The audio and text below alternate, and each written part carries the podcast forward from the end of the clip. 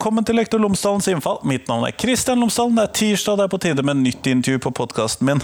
Denne ukens intervju er med Espen Skånning fra Universitetet i Oslo. Her er han professor i idéhistorie. Vi snakker om hvordan skolen er som konkurransearena for elevene, og hvordan dette kan være en problemstilling som i seg selv har innebygde eh, mekanismer som gjør at noen av elevene går ut som i gåseøyne tapere ut av skolen. Vi snakker om hvordan skolen kan være, vi snakker om lappen, altså sertifikatet, som en modell for hvordan skolen kunne vært lagt opp, og vi ser også på flere sider ved dette. Men i hvert fall, her får du intervjuet, vær så god.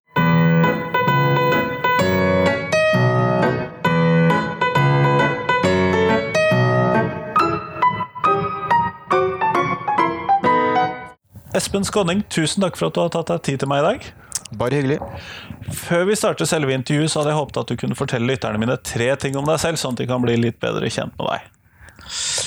Ja, øh, for det første så er jeg øh, professor i idéhistorie på Blindern. Øh, og jeg har vel mesteparten av livet mitt egentlig vært på universitetet. Jeg har vært fire år i utlandet Eh, men det var også, en del av det var også universitetsrelatert, selv om jeg jobbet som maler eh, et år. Ehm, så det, det, er vel det ene. Det andre er at jeg nok i eh, hele mitt liv har vært veldig opptatt av de som vi kunne kalle for taperne i samfunnet. Deres vilkår, og også hvorfor de havner som de er, da. Eh, der de er. Og, og, og, det tredje er vel det at jeg har sett eh, den rollen som eh, som intellektuell, da, for å kalle det det, som noe Som en sånn oppgave. At man på en måte skal og bør intervenere i, i samfunnet og bidra til den politiske debatten. Da, og at det man driver på med skal ha en eller annen form for får effekt uh, utover bare et sånt uh, glassperlespill på, på, universitetet. At det egentlig også bør settes i omløp, de innsiktene man eventuelt mener at man sitter med, at de kan settes i omløp og på en måte bidra i den politiske debatten omkring de emnene som, eller temaene som man er opptatt av. Så, ikke bare kunnskapsproduksjon? Nei, det skal ha en eller annen form for opplysende, kritisk potensial, mener jeg. Sånn at folk i hvert fall får noe å tenke på, i det minste. Eh, om man ikke liksom adopterer mine forslag og sånn til hvordan ting burde gjøres. Hvis jeg kommer med det, så, så er iallfall oppgaven å få folk til å tenke seg om to ganger, da. Eh, om sånn som vi har det nå, om det er den beste måten å, å arrangere samfunnet på, liksom. Mm. Og det er særlig det midterste punktet her som vi skal eh, se litt nærmere på i dag. Dette her ja. med de som ikke nødvendigvis passer helt inn, eller eventuelt samfunnet ikke helt har plass til, kanskje. Men, ja. Og det, det, som jeg da lurer på, er jo da hva er dine tanker rundt skolesystemet? Klarer vi å få det til å favne alle? Slik som det er i dag? Uh, uh, nei, det ligger på en måte i spørsmålet ditt allerede. uh, for så vidt, da. At, at det, det, mener jeg det ikke gjør. Eh, og det største problemet, da, det er, mener jeg, at, eh, at skolen på en måte selv eh, produserer utenforskap. Og at skolen er lagt opp slik at den ikke kan unnlate å produsere utenforskap. Og, så, og, det gjør den ganske enkelt og banalt da, ved, ved hjelp av av eh, å, å måle eh, barn ut ifra bestemte eh, kriterier om prestasjoner innenfor bestemte fag som man setter opp, som er angivelig bestemt veldig viktig. Og så, og så må alle barn prestere innenfor disse bestemte fagene, og da vil det være slik at noen blir vinnere, og noen blir tapere. Og det må bli slik nettopp fordi man setter målene bevisst, helt eksplisitt, så høyt at ikke alle kan nå dem. For å skape en differensiering? For å skape en differensiering. Eh, det må ikke nødvendigvis være sånn. Eh, man kunne tenke seg f.eks. at man Jeg tenkte noe i retning av sånn som når man tenker eh, det å ta lappen. Eh, Da legger man listen for hva som skal være kravet for å kunne ta lappen, at stort sett alle kan klare det. Noen må kanskje bruke litt flere timer kjøring. Men målet er at alle skal få det til. målet er at alle skal få det til, og alle får det til stort sett. Da. Det er selvfølgelig ikke alle, hvis du er blind så er det verre og sånn, men det er, det er stort sett så får alle det til, på en måte. Eh, hvis man gjorde det sånn i skolen, så ville eh, hele skolesystemet falle sammen. Fordi det er basert på at eh, barn og unge skal sorteres. Eh, Noen skal eh, bedre, være bedre enn andre, få bedre vitnemål for at de skal plasseres innen inn i bestemte yrkes- eller utdanningsløp etterpå osv. Så, videre. så hele skolen er basert på at man differensierer henne ut ifra en sånn skala, normativ skala, hva som er bra og dårlig. Og det betyr at man automatisk er nødt til å produsere et sjikt av eh, barn og elever som er i bånn. Ja, sånn at det, det at vi gjennom skolesystemet sorterer disse barna inn i forskjellige kategorier og plasserer de da først i videregående, og så på universitetet, og så på eventuelle høyere grader innenfor universitetet. Hele det systemet er avhengig av at vi kan gjøre den sorteringen. Ja. Eh, Og det betyr at hele skolen er en slags konkurransearena, rett og slett. At, eh, at eh, man på en måte fra første klasse så går liksom startskuddet, og, og da eh, konkurrerer barna om de privilegiene som utdanningen gir tilgang til. For som alle vet, så er det sånn at i økende grad så er det for å komme seg opp og fram i verden, så er den sikreste middelet det er å ha en god utdanning. Eh, Og, og det gjør at det blir en kamp om å vinne i utdanningssystemet. At de som taper der, de har veldig dårlig sjanse for å komme seg opp og fram. Og Derfor så blir det på en måte en konkurranse fra første stund. Og nå har den konkurransen flyttet også ned i barnehagen. Eh, Fordi man ser jo det, selvfølgelig, at eh, folk, barn, stiller med ulike forutsetninger som seksåringer i skolen. Og så sier man da ok, da må man prøve liksom å forberede barna best mulig før startskuddet går, så å si. I, I første klasse så må barna liksom stille med best mulig like muligheter når startskuddet går, liksom. Eh, og så har man da liksom også begynt å differensiere i, barnehagen. Så, så det går på en måte bare én vei, i dette her. Eh, at man hele tiden liksom eh, forsøker å få sine egne barn naturligvis da opp og fram i dette konkurransesystemet. Ja, fordi at det her har vi jo da fordi at tidligere, slik som jeg oppfattet det, i hvert fall når jeg kom inn i barneskolen en Ja. gang tidlig på 90-tallet, så øh, var det forventet at vi skulle lære å lese i, barnes i barneskolen Ja. i de første årene. Ja. Men sånn som jeg oppfatter den politiske diskursen nå, så er målet at eh, barna helst skal komme med bokstavene Ja. fra barnehagen. Ja, ja, det er helt riktig. Og jeg husker faktisk fra min egen tid, eh, altså fra mine barn, da, altså mine barn har blitt er voksne nå, da.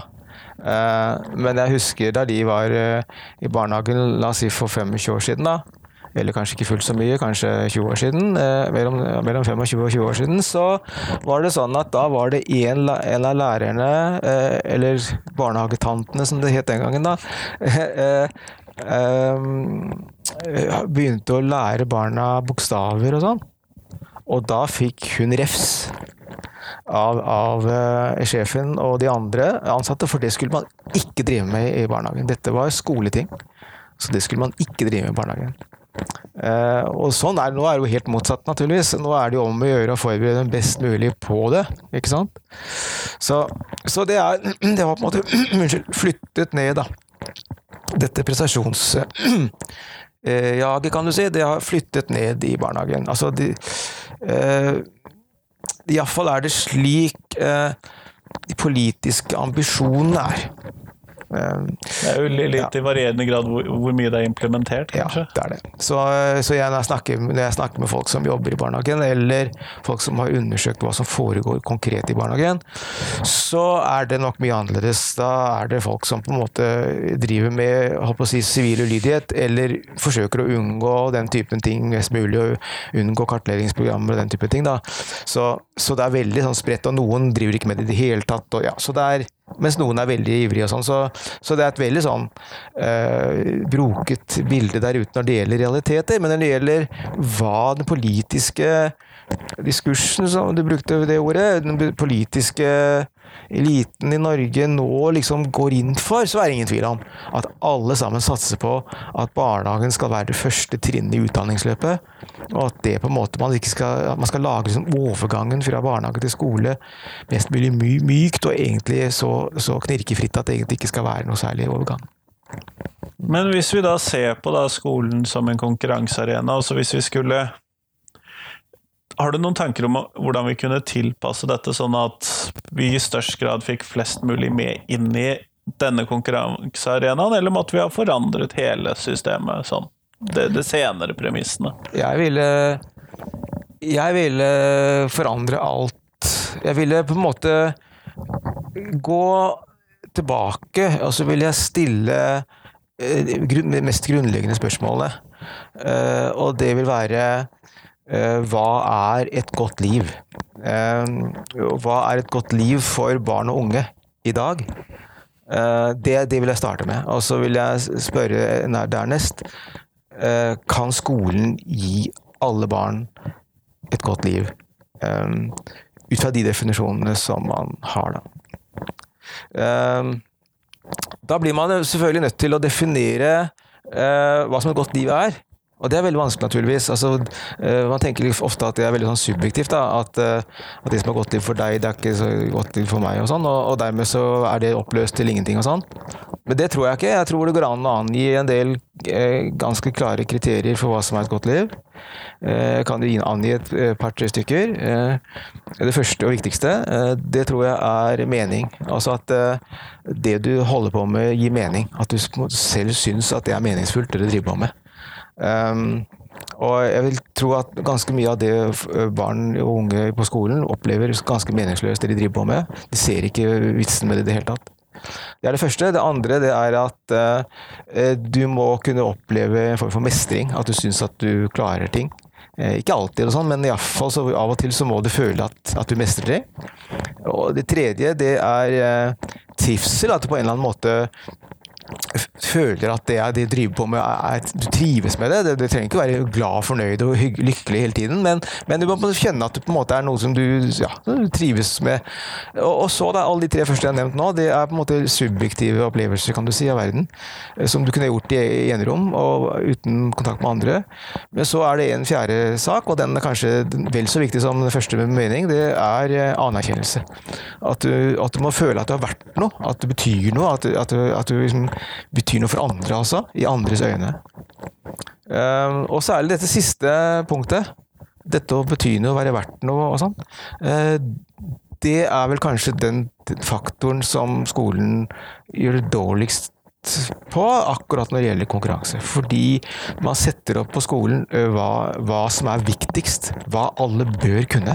Og da angir man bestemt antall fag, særlig norsk, engelsk og matematikk. Og det er liksom det viktigste, og hele greia består i at dette må du kunne. Og da er det vanskelig, hvis du hele tiden ikke strekker til. Og da, og da liksom eh, bli anerkjent, føle at du er verdt noe, når du hele tiden får to i matematikk, liksom. Det er, det, det, det er, fryktelig vanskelig. Særlig hvis du da også får veldig dårlige karakterer i alle fag, liksom, eller fleste fag. Eller svak, eller svak måloppnåelse, som det heter i grunnskolen, eller ikke-mestring, som det heter i barnehagen. Det betyr at du rett og slett på en måte kommer lavest, og det er veldig vanskelig å bli, føle at du blir anerkjent. Og det gjør igjen at det, de tre andre eh, kriteriene som jeg nevner, også får dårlige kår. Veldig, blir meningsløst med det du holder på med. Veldig lite mestringsopplevelse. Å si at du mestrer hvis du klarer å få tre matematikk, når du vet at du egentlig forventer eller håper at du skal gå fem eller seks. Er vanskelig. Og, og, og, tilsvarende med trivsel. At det er vanskelig å oppnå trivsel. Så jeg, så jeg tror særlig dette anerkjennelsesaspektet er, er et, noe som på en måte ligger i bånn. Og jeg tror at man må på en måte stille stille de spørsmål, spørsmål der. Hva er et godt liv? Man kan, right, man kan komme opp med andre kriterier enn det jeg har angitt nå. Eh, men allikevel, så uansett hva man velger å, å, å, lage ut av en skole, så legger man bestemte kriterier til grunn for hva som er et godt liv. Eh, bare at man sier det ikke, eller, eller tematiserer det ikke, eller Det er ikke eksplisitt? Det er ikke eksplisitt. Ja. Så, det, så det, jeg tror man måtte starte der. Og jeg tror man da måtte innrømme at den skolen som vi har, den kan ikke gi alle et godt liv. Og skal vi akseptere skolen da, sånn som den er? Eh, det tror jeg for de fleste vil være veldig vanskelig å si ja til. Eh, for jeg tror eh, vi har heldigvis i vårt samfunn en veldig sånn omsorg for barn. Vi mener at alle barn skal ha et godt liv. Det tror jeg vi mener alle sammen. Og det er et veldig bra utgangspunkt. Fordi hvis man har det som utgangspunkt, så kommer skolen i et veldig kritisk lys, syns jeg. Mm. Men eh, når vi da tenker på dette her, og tenker på om vi da må legge det, hva som skal ligge til grunn for et skoleverk, og sånn, og da har du skissert fire punkter som bør være med, og så slår det meg kanskje Kan noe av problemet med at man ikke snakker om dette, eller ikke tenker for hardt på å forandre på skolen, det grunnleggende systemet, kan det komme av at de fleste av oss som driver med skole, stort sett alltid har mestret skolen? Fordi det, det, Jeg regner med at det er få som har gjennomsnitt lavere enn fire, som egentlig driver på med skoleforandring, enten de jobber i skolen eller er politikere eller akademikere eller hva nå de hvor de er i dette landskapet. Da. Ja. ja jeg, altså, det er klart at det kan være en faktor. Eh, det er klart at For at skolen skal bestå, så må det være masse lærere som opprettholder skolen, på en måte, og tror på den og fortsetter med den og sånn. Men jeg tror det vil være veldig, veldig på en måte for snevert å, å, å, å legge skylda, så å si, på, på, lærerne. Det tror jeg ikke. Jeg, egentlig så har jeg veldig sånn sans for lærere. De, de har helt tatt jobbe som lærere syns jeg må være eh, flott at noen tar den jobben. Jeg husker Nils Kristi sa til meg en gang, eh, en del år siden eh, Jeg skrev en bok om, at om jeg ville avskaffe straff og sånn. Og så var han og jeg på en slags sånn signingsferd i forbindelse med den boka, det er mange år siden nå. Hvor vi ble invitert til mye av de samme paneldiskusjonene omkring den boka, og vi diskuterte liksom straff og sånn den gangen. Og så og så snakket vi om hvor vanskelig det var å endre straffesystemet, og, og hvor, hvor rigid det var. Og da husker jeg Nils sa det at, eh, at eh, jo, det er jeg helt enig med deg men det er ett område som er på en måte enda verre, eh, og det er skolen. Han hadde jo skrevet en bok som het 'Hvis skolen ikke fantes' på 70-tallet. Og grunnen til at det er sånn, sa Nils, det var at det, det er så utrolig mange folk som investerer i dette feltet, og som har interesser i dette feltet. Eh, det er naturligvis lærere som vi bruker som kompetanse og sånt nå, og det er selvfølgelig lærernes lærere, altså de som underviser på universitetet, pedagogikk og den type ting. Men det er en hel haug andre folk også. Det er, det er, politikere, og det er byråkrater, ikke sant, og det er forlag som produserer disse, disse bøkene. Og det er, ja, det er, det er liksom på alle bauger og kanter så er det folk som har interesse av at skolen er slik som den er. Og det i hele tatt foreslå radikale endringer, at det går an å tenke annerledes om skolen, det støter på så veldig mange eh, folk som har interesse av at skolen er som den er, at det er egentlig sånn håpløst å få til store, store endringer, liksom. Så det man, det man, ofte bare klarer å få til av endringer, det er i retorikk. Eh, at man på en måte snakker om at man må ta omsorg for barna og respektere barna og sånt noe. Eh, men selve skolesystemet som sådan, det er merkverdig rigid og merkverdig likt det som er, var som da jeg var ung, og som, var, eh, som mine, mine bestefedre var unge. Det er liksom tavle og pulter, og det er nesten ikke til å tro altså, at, at, du har den tilsvarende skolen som den var, var før, i, i, stor, i stor, grad. Um, selv om det selvfølgelig foregår noen endringer, og sånn, så, så er det det store hele veldig likt. Mm. Så jeg vil, ikke, jeg vil på en måte ikke gå med på å legge liksom skylda på læreren, altså. Nei, jeg mente en større ja. gruppe enn lærerne. Jeg tenkte ja. nok også politikerne og foreldre inn i gruppen din, men du gikk litt videre enn det. Ja, ja. Og foreldre er jo også selvfølgelig Jeg har, syns veldig synd på foreldre. Jeg har jo nå barnebarn, ikke sant. Tre barnebarn, og jeg ser hvordan de skal opp nå inn i dette systemet. Det er enda heldigvis litt tid til. Men, men de er jo også i en sånn catch 22-situasjon. Eh, hvor det er klart at dette systemet er der. Uh, og, og, og, hvis du på en måte uh, ikke velger å gå inn i det systemet, så uh, ja, så, så kan du risikere at barnet ditt på en måte faller utenom og ikke blir med, da. Da tar du et ganske stort valg for det barnet. Ik ikke sant? Så du, så du, må på en måte være med på løpet, da. Ikke sant? Og, og be dem å gjøre lekser og, og styre på, holde på liksom, for å gjøre det best mulig i konkurransen. liksom. For hvis du taper konkurransen, så taper du dette, dette, dette spillet om, om privilegiene som, som, kommer til slutt. da. Så, så, det er en veldig vanskelig situasjon. Altså. Jeg har akkurat fullført en bok nå som kommer eh, om noen måneder, om, om en som heter John Holt, en amerikansk skolekritiker. Um, som stilte seg i, eh, til slutt da, i, i front for hjemmeundervisningsbevegelsen, altså homeschooling. da hvor man, som, Poenget er å ta barna ut av skolen og undervise dem hjemme.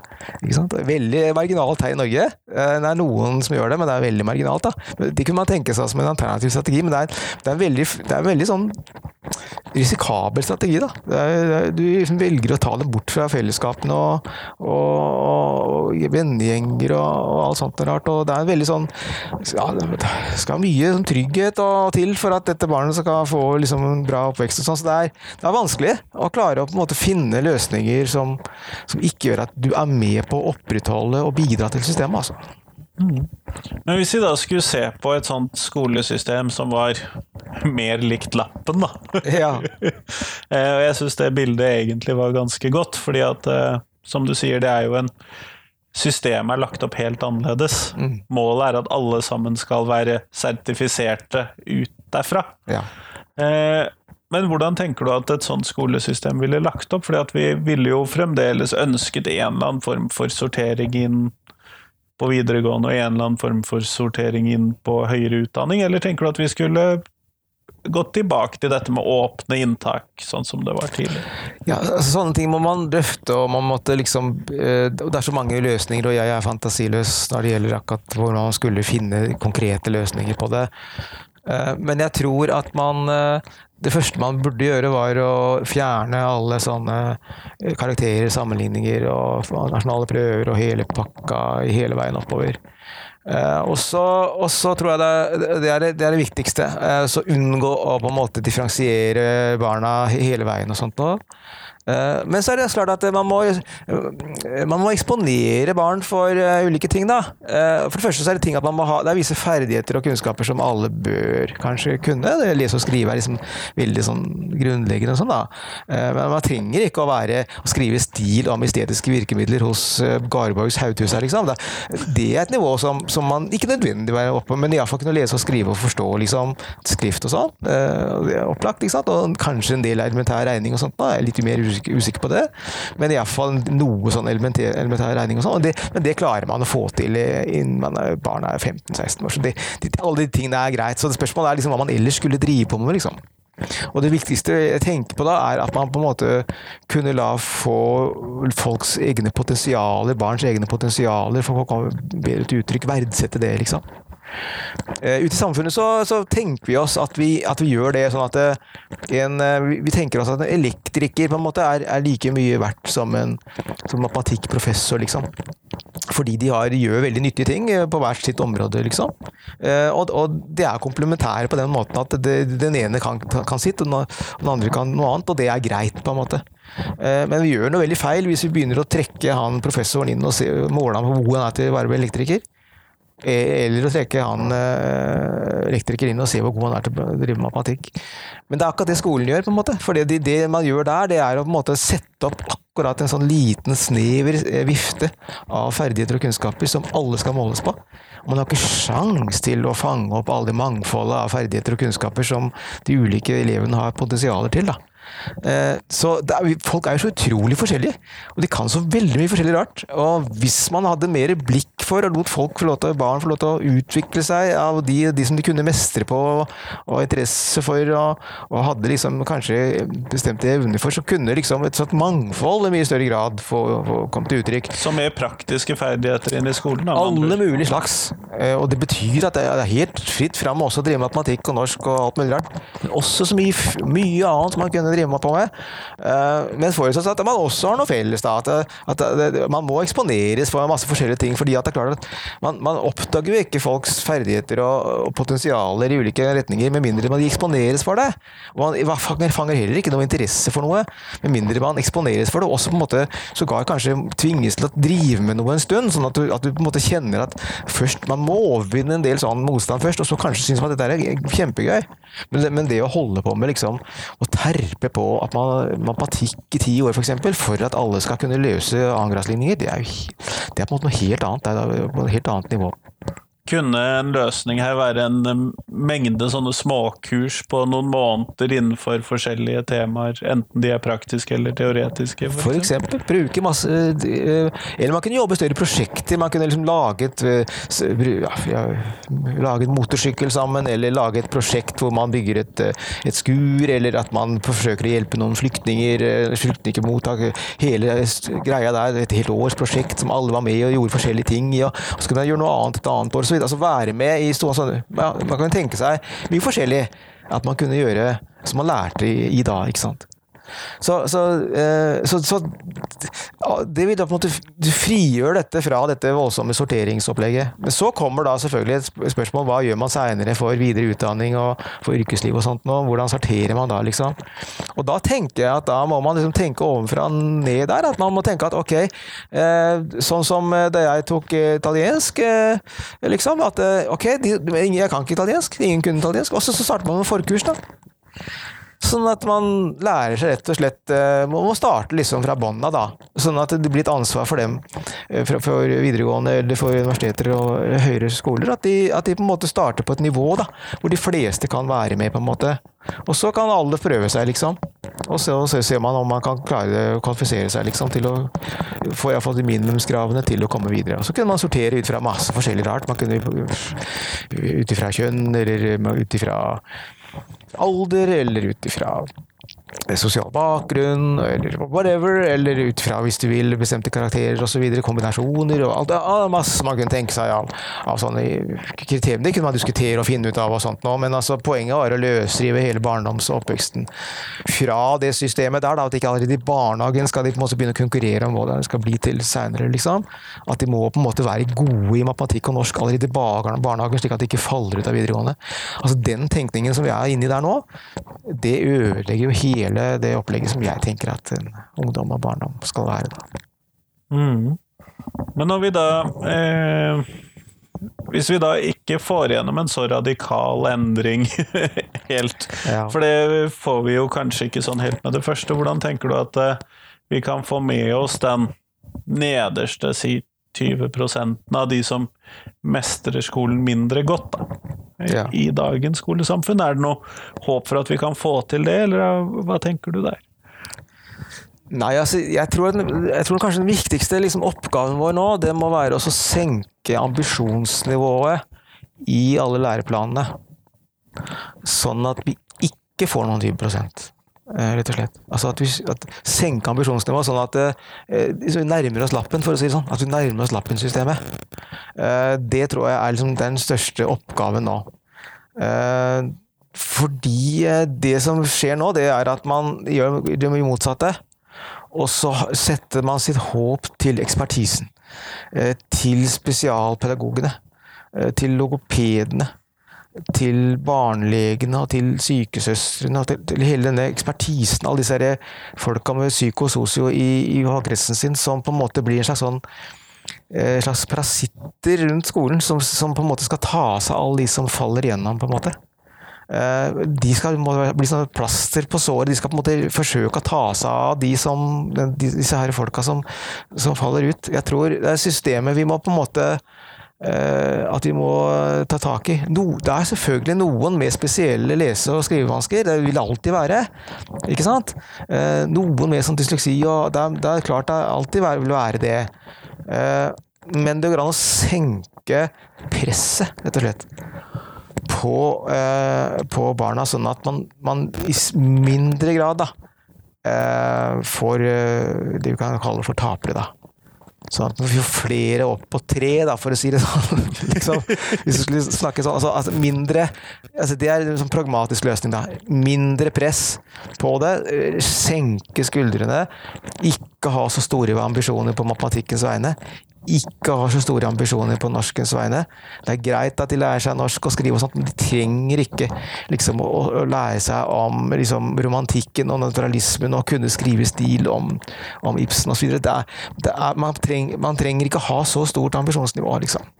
Så, så, øh, så senker man presset, så, så, vil på en måte det åpne seg for andre, andre muligheter, rett og slett.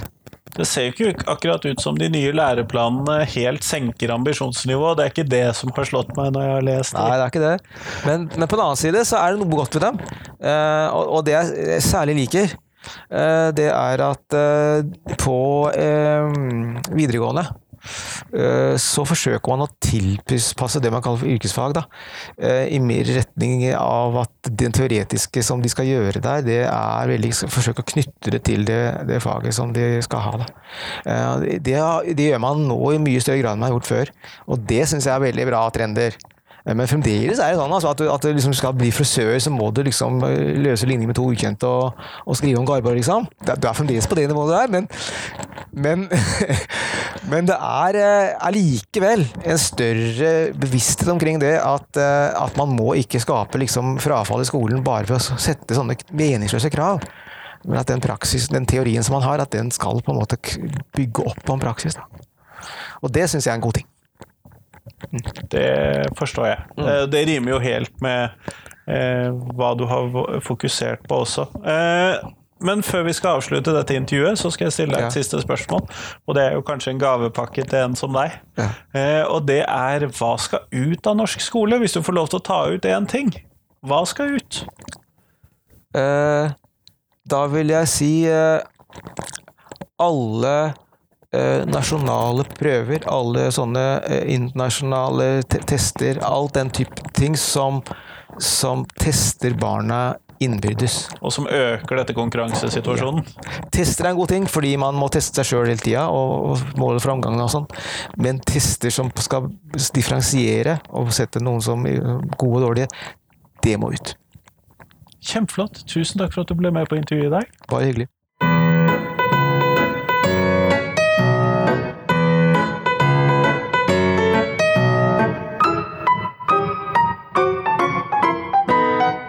Tusen takk til Espen, og tusen takk til deg som hørte på. Nå er det en uke til neste podkastintervju, og da treffer du Fredrike Brosard Børhaug fra NLA-høgskolen i Bergen. Vi snakker om interkulturell pedagogikk, antirasistisk pedagogikk, og det å inkludere og ta ansvar også for bl.a. morsmålslærere og andre med annen kultur i skolen. Så det snakker vi om neste uke.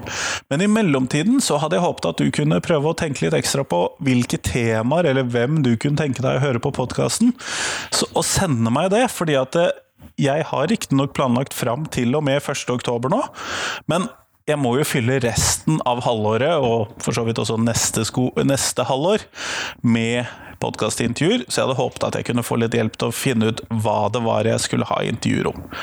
Men i hvert fall, fram til eh, neste tirsdag så får du ha en god uke. Hei, hei!